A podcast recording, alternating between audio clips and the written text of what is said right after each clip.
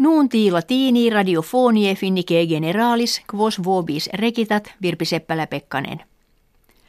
In communi inari quod maxime septentrionale est finnie saami sivela pones die lune festum nationale celebrabant. Hoc anno causa fuit specialis nam antecentum annos in urbe Norvegie nidrosia sive Trondheim primus conventus erat ex quo cooperatio samorum in Norvegia, Svetia, Finnia, Russiaque habitantium init. Festum cooperationis samorum secularis nidrosie presente Haraldo sexto rege Norvegie celebrabatur.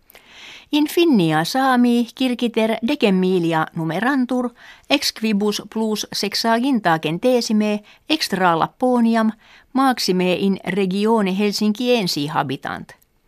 Omnino in terris septentrionalibus sunt pene centum milia samorum plurimi in Norvegia. Regina Elisabeth secunda diutius quam quisquam ante in Britannia regnavit. Cum rex Georgius sextus die sexto mensis februari anno millesimo nongentesimo quinquagesimo secundo mortuus esset Elisabeth in regnum ascendit neque in toto terrarum orbe hodie alius monarca tam diuquam illa potestatem regiam tenet. Regina kve mese aprilii nonaginta annos complevit, diem festum in palatio Sandringham tranquillo egit, sed anniversarium eius in varis Britanniae partibus celebrabatur. Annus festus sexagesimus quintus appellatur annus saphirinus ideoque domus regia efficiem regine pingendam curavit in qua illa ornamenta habet saffirina. Apud insulam caureram a majorica minus viginti kiliometra distat in profunditate septuaginta metrorum navis romana amphoris onerata reperta est. Res est singularis quia amphore kve prope duo milia numerantur sunt integre et intacte. Continere putantur garum condimentum de piscibus factum quod romani amabant. Plereque amphore sunt longitudine unius metri et verisi militer ex Africa septentrionali portabantur. Minores amphore forsitan ex Lusitania meridionali veniebant. Navis kve in fundo maris sub amphoris jacet est vigintifere metra longa.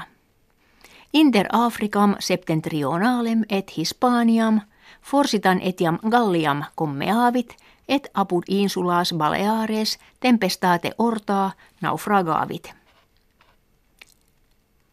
Apud urbem Bergen Norvegie nuper factum est ut balena ad litus nataret Quamvis sifonari sepius illam in altum mare ducere frustra conarentur.